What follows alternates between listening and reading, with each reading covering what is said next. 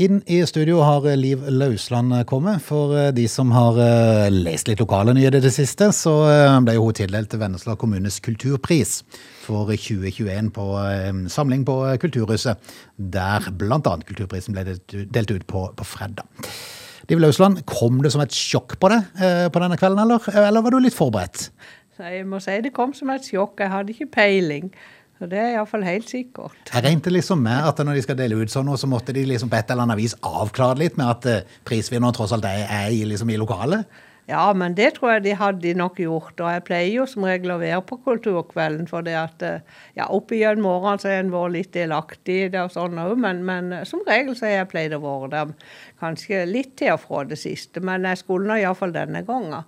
Og de klarte å lure meg godt, for det var svigerdattera mi Sølvi spurte meg for noen dager siden om jeg skulle på Kulturkvelden. Så sa jeg ja, jeg hadde vel tenkt det.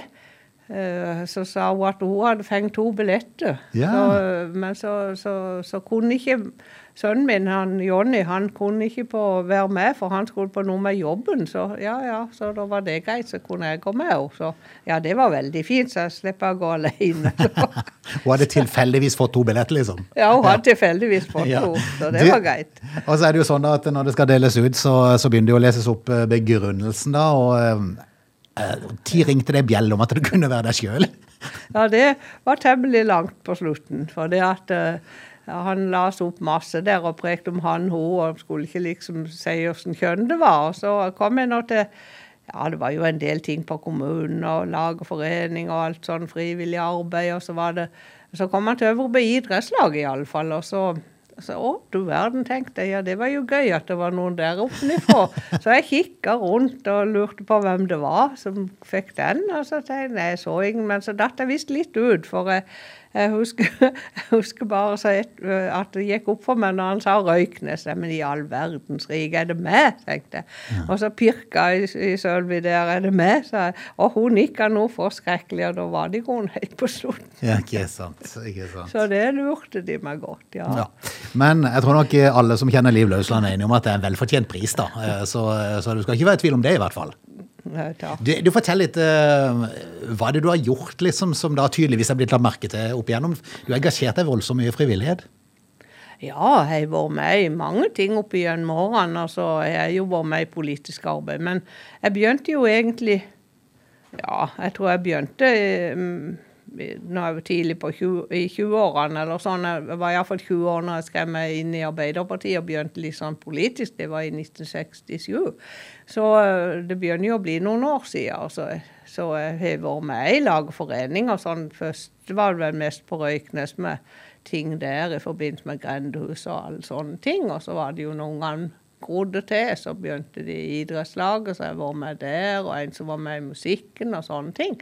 Og så eh, ja, det har vært sånn naturlig. Mm. Og så begynte jeg politisk, og det var jo tidlig på 70-tallet. Så jeg var jo med i kommunestyret for 1.1. I, i 76, men før det så hadde jeg jobba en del ting. Jeg husker det første som jeg var kanskje litt engasjert, en del engasjert i, det var egentlig på Eikeland skole sin de hadde ikke gymsal på Eikeland skole, så den begynte vi med å jobbe med å få. Så vi fikk den etter noen år, den. Og, og du har jo faktisk vært varaordfører òg? Ja, ja, det var jeg på 80-tallet. Så var eh, Når jeg begynte, så etter et lang, lang, mange alle år i grunnen, så, så hadde jo Arbeiderpartiet ordføreren. Men, men, det valget som eh, vi begynte, når vi begynte da i 76, da var det Kristelig Folkeparti som overtok. Mm. Så da var det Ragnar Krokstad som begynte som ordfører. Følger du nøye med i politikken eh, nå, eller har du liksom lagt det litt langt bak i huet? Jeg prøver, jeg, prøver, jeg tykker jo det er voldsomt moro å lese kommunale saker, så jeg er litt eh, jeg er nok litt for mye interessert sånn. Men jeg, jeg, pleier ikke, jeg, pleier ikke, å delta så mye i diskusjoner sånn jeg pleier av og til. Men nå har det jo vært korona og sånn, så det har ikke vært så mye møte heller. Men uh, jeg, pleier, jeg, pleier, som regel alltid å lese når de har lagt ut det i kommunalsaker. Til kommunestyret og planøkonomi og levekår og bygg det må jeg jo si, altså det viser jo engasjement, for for de aller, aller fleste sier er jo det dørgende kjedelig å sitte og lese sånt. Jeg har aldri tykt det var kjedelig. For Ungene husker det når jeg vokste opp, så hver ledig stund så la seg kommunale papirer. Så det var bare sånn det var. Det er mm, hva, hva, hva kan du si til de som, eh, som da begynner å engasjere seg i sånn lag- og foreningsarbeid? Altså sånn frivillig arbeid. Hva, hva er liksom gleden med det? Mange tenker at oh, det er jo bare en masse jobb. Ja, det er mange som tenker sånn, og tror at eh, hvis de melder seg inn i et lag, så, så blir de engasjert med en gang. Men det kan de velge veldig sjøl. Og jeg tykker jo det har vært utrolig givende å kunne være med. Og du treffer så mange folk, og, og det, det, skaper et sånt samhold. Og hvis du klarer å jobbe litt dugnad, så, så får du et veldig fellesskap. Det, det som jeg husker av aller best, men det var jo en kjempestort opplegg, det var jo når vi bygde, bygde idrettshallen på Øvrebø første gangen. Mm. og da, det, var jo, det var jo en spesiell affære. Det var jo veldig stort, da, men der uh, følte iallfall jeg og de som jeg var nærmest, da, at hele bygda ble delaktig oppi det prosjektet. Mm. Og det prater jo faktisk folk om ennå der oppe. Så det, det gir en veldig, veldig mye. Og du må ikke bare, du må ikke være så redd for at du får altfor mye å gjøre, for det må du styre sjøl. Mm. Og når vi har fått uh, Frivilligsentralen og sånt, så, så, er det veldig mange gode prosjekter. Og så er det som regel alltid noen som er litt ekstra ivrige enn andre, som rekker opp hånda hvis det blir spurt om noe verv eller noe. Er det ikke sånn? Jo, og det har jo alltid vært sånn at du treffer i grunnen de samme folkene igjen.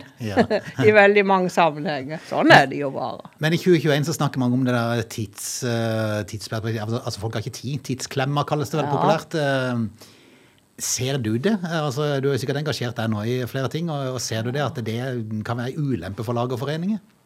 Ja, sånn som det oppfatningen av det har blitt, så, så, er det jo selvfølgelig en ulempe. For uh, folk føler at de har det veldig stressende og veldig travelt i dag.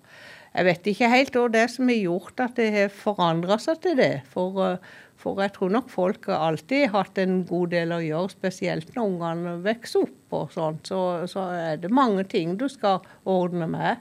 Men uh, det har nok en del med interesse. Mm. Det har nok det. Ja.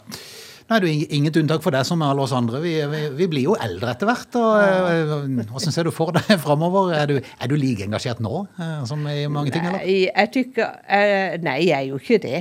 Jeg er jo leder av styret i Helselag i Hegeland. Det er Nasjonalforeninga for folkehelse. Så Hegeland helselag det er i grunnen det som er det vesentlige. Jeg har jo selvfølgelig litt, så jeg pleier jo å være med litt nede på Røyknes, men det, det er bare sånn naturlig del av der en bor. Mm. Det blir ikke noe comeback i politikken? Nei, nei, nei. nei. Det skal jeg ikke. Men sakspapirene skal du fortsette å lese? Ja, det regner jeg med jeg gjør. Liv Løvsand, veldig hyggelig at du kom, kom, innom. Og igjen, gratulerer så mye med, med Kulturprisen for 2021. Tusen takk.